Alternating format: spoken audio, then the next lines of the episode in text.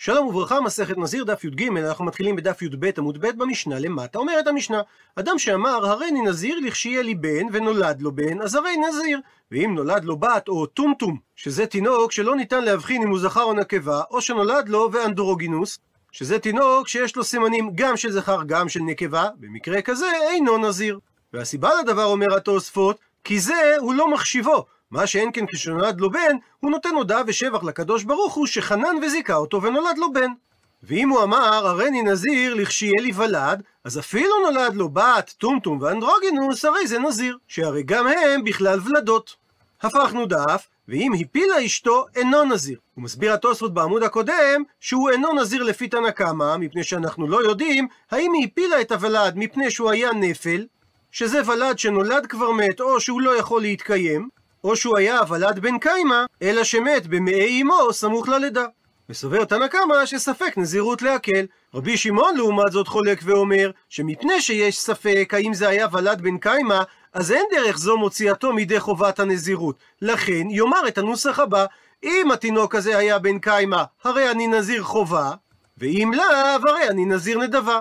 מפני שרבי שמעון סובר שספק נזירות להחמיר. וממשיכה המשנה, אם לאחר שהיא הפילה, היא חזרה ונכנסה להיריון וילדה תינוק אחר, הרי זה נזיר. ורבי שמעון חולק ואומר, שמפני שקיים ספק מזמן ההפלה, האם חל עליו דין הנזירות או לא, לכן הוא צריך להתנות בלידה הזו, ויאמר את הנוסח הבא, אם הראשון היה בן קיימא, אז הראשון חובה וזו נדבה, כי נמצא שהוא יצא ידי חובת נדרו כבר בנזירות הראשון, ולכן הוא מקבל על עצמו נזירות בלידה האחרונה כנזירות נדבה. ואם לאו, כי ייתכן והראשון היה נפל, ולא חלה הנזירות בגינו, אז הראשון נדבה וזו חובה. שהנזירות הראשונה שהוא שמר הייתה נזירות נדבה, ועכשיו בלידה זו מוטלת עליו הנזירות של החובה שהוא נדר בנזיר, כאשר יהיה לו ולד. ועל הדין הראשון במשנה, שאדם שאמר הריני נזיר אם ייוולד לי בן, וכאשר נולד לו בן אמרה המשנה הרי זה נזיר, שואלת הגמרא, היי, מאי למימרא, מדוע המשנה צריכה לומר את זה? איזה חידוש יש בדבר? עונה הגמרא שאכן אין חידוש במקרה הראשון, אלא המשנה אמרה את זה משום סיפא. כהקדמה לדין של הסיפא, שאם נולדה לו בת או טומטום או ואנדרוגינוס, אז הוא אינו זנזיר. מקשה הגמרא, אבל גם הדין הזה פשיטא, הרי לא התקיים התנאי שהוא אמר, לא נולד לו בן. מסבירה הגמרא, מה עוד תימא? מה היית חושב לומר? שאולי כשהוא אמר לכשייוולד לי בן, הוא בעצם התכוון לכשייבנה הוא דקאמר. זאת אומרת שהוא לא התכוון לבן זכר, אלא הוא התכוון למילה בן מלשון בניין. כמו שאומרת רחל, וייבנה גם אנוכי ממנה. כמה שמלן, לכן באה המשנה לומר לנו, שבלשון נדרים הולכים אחר לשון בני אדם, וכאשר הוא אמר את המילה בן, הוא התכוון לזכר, דלא התכוון לוולד שאינו זכר. ציטוט מהמשנה, ואם אמר כשיהיה לי ולד, אז הוא נזיר גם אם נולד לו בת או טומטום אנדרוגינוס. מקשה הגמרא, פשיטא, מה החידוש בדבר? הרי התקיים התנאי. מסבירה הגמרא, מה עוד תימא? מה היית חושב לומר? אולי כאשר הוא אמר ולד, הוא התכוון ולד דמיחשב בעיני אינשי בעינן. הוא התכוון לצאצא שאנשים מחשיבים אותו, וממילא זה דווקא לתינוק זכר, כי בת אינה נחשבת אצל חלק מהאנשים כשוות ערך לבן, וכל שכן אם נולד לו טומטום ואנדרוגינוס. כמה שמלן, תנא להשמיע לנו, שכל סוג של ולד מהווה קיום לתנאי. החוק היום בהודו קובע שגילוי מין העובר יעלה לרופא בקנס של 5,000 דולר ובשלילת רישיונו.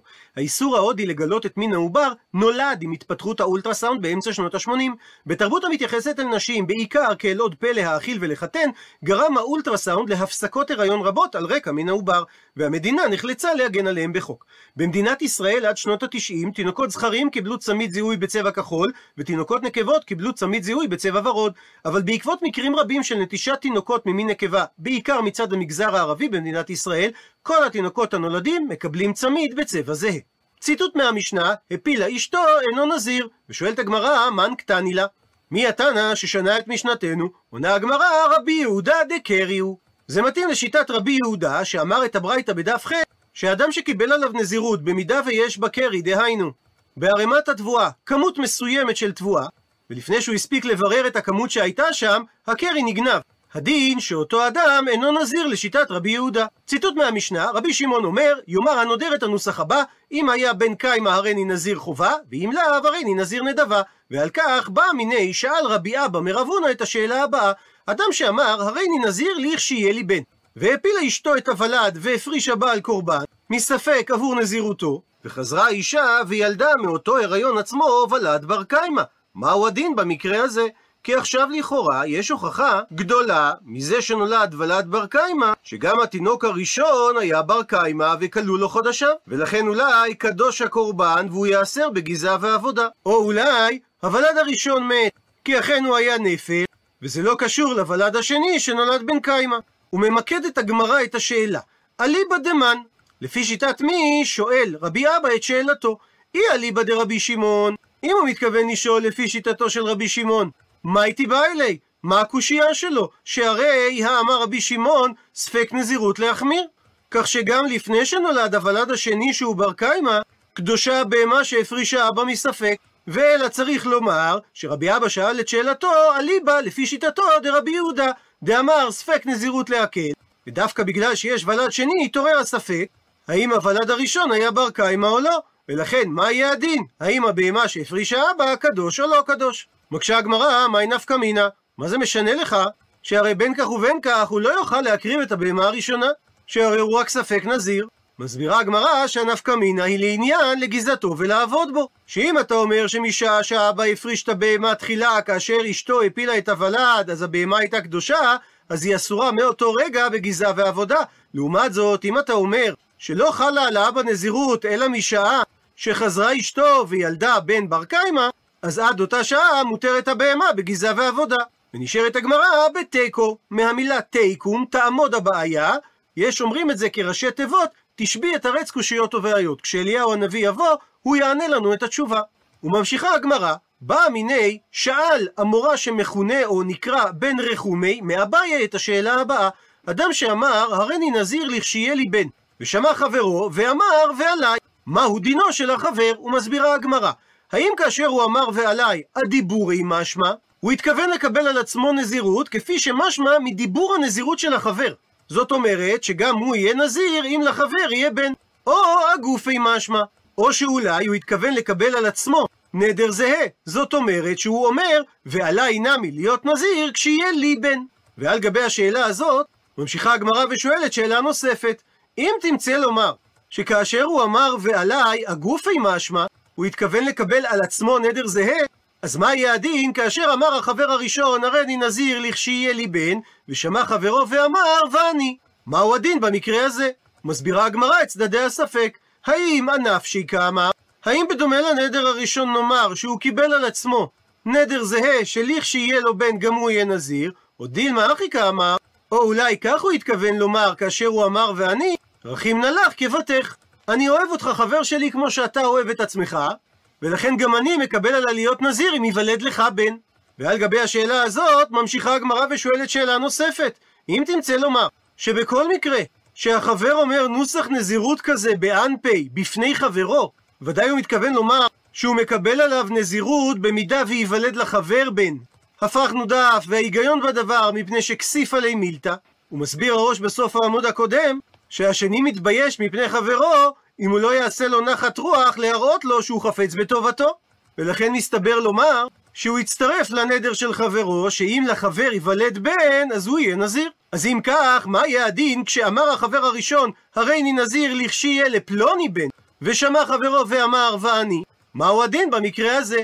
מי אמרינה שמכיוון שהחבר הראשון נדר עבור חבר אחר שלא בפניו, אז ודאי שהחבר השני, כאשר הוא אמר ואני, ענף שיקה אמר, הוא התכוון להכיל נדר כזה על עצמו, שכשייוולד לו עצמו בן, הוא יהיה נזיר.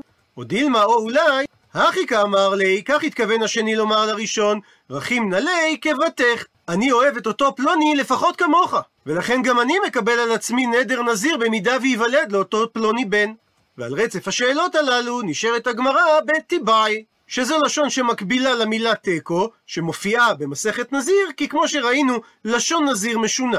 ואומרת המשנה, אדם שאמר, הרי אני נזיר, ובנוסף לכך אמר, ונזיר כשיהיה לי בן. אז מעכשיו מתחילה הנזירות שלו, ולכשייוולד לו בן, תתחיל הנזירות עבור הבן.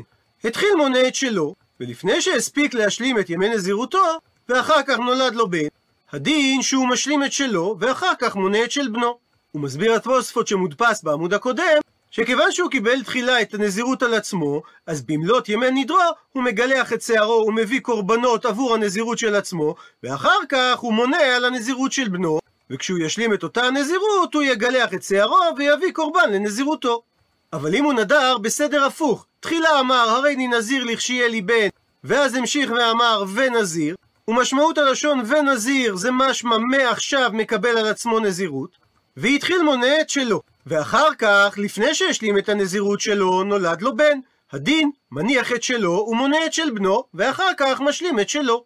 הוא מסביר התוספות בעמוד הקודם, שעד שהוא לא השלים את מניין הנזירות שלו, נולד לו הבן, אז הוא מניח את הנזירות שלו ומונה את של בנו, כיוון שאותה הוא קיבל עליו תחילה.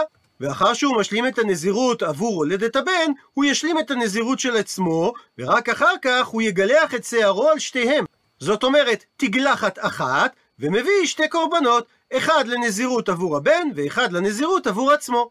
אבל הוא לא מגלח את שערו אחר שהוא משלים את הנזירות עבור הבן, ואם כן, איך ישלים נזירותו? שאותה הוא התחיל לפני הולדת הבן. זאת אומרת, אם הוא הספיק להיות נזיר עשרה ימים, ואז נולד בן, הוא צריך עכשיו להיות נזיר עוד שלושים יום, ואחר כך להשלים עוד נזירות של עשרים ימים עבור הנזירות העצמית שלו. ואם הוא יגלח את השיער אחרי הנזירות עבור הבן, הוא לא יוכל לגלח את השיער כעבור 20 ימים של השלמת נזירות, שהרי אין גידול שיער פחות מ-30 יום. אמנם, אומר תוספות, אם הנדר נזיר שהוא נזר על עצמו מרובה מ-30 יום, כך שייתכן מצב שגם אם הוא היה מגלח את שיערו אחר נזירות הבן, היה נשאר לו 30 יום לגדל את השיער, כך שאין מניעה שהוא יגלח את שערו בסוף הנזירות עבור הבן, ואז ישלים את נזירותו העצמית. מכל מקום, המשנה מדברת בסתם נזירות. שהיא משך זמן של 30 יום. ולכן אמרה המשנה שהוא לא יגלח את שערו עד שישלים את שתי הנזירויות, ואז הוא גם יביא שתי קורבנות. עד לכאן דף י"ג.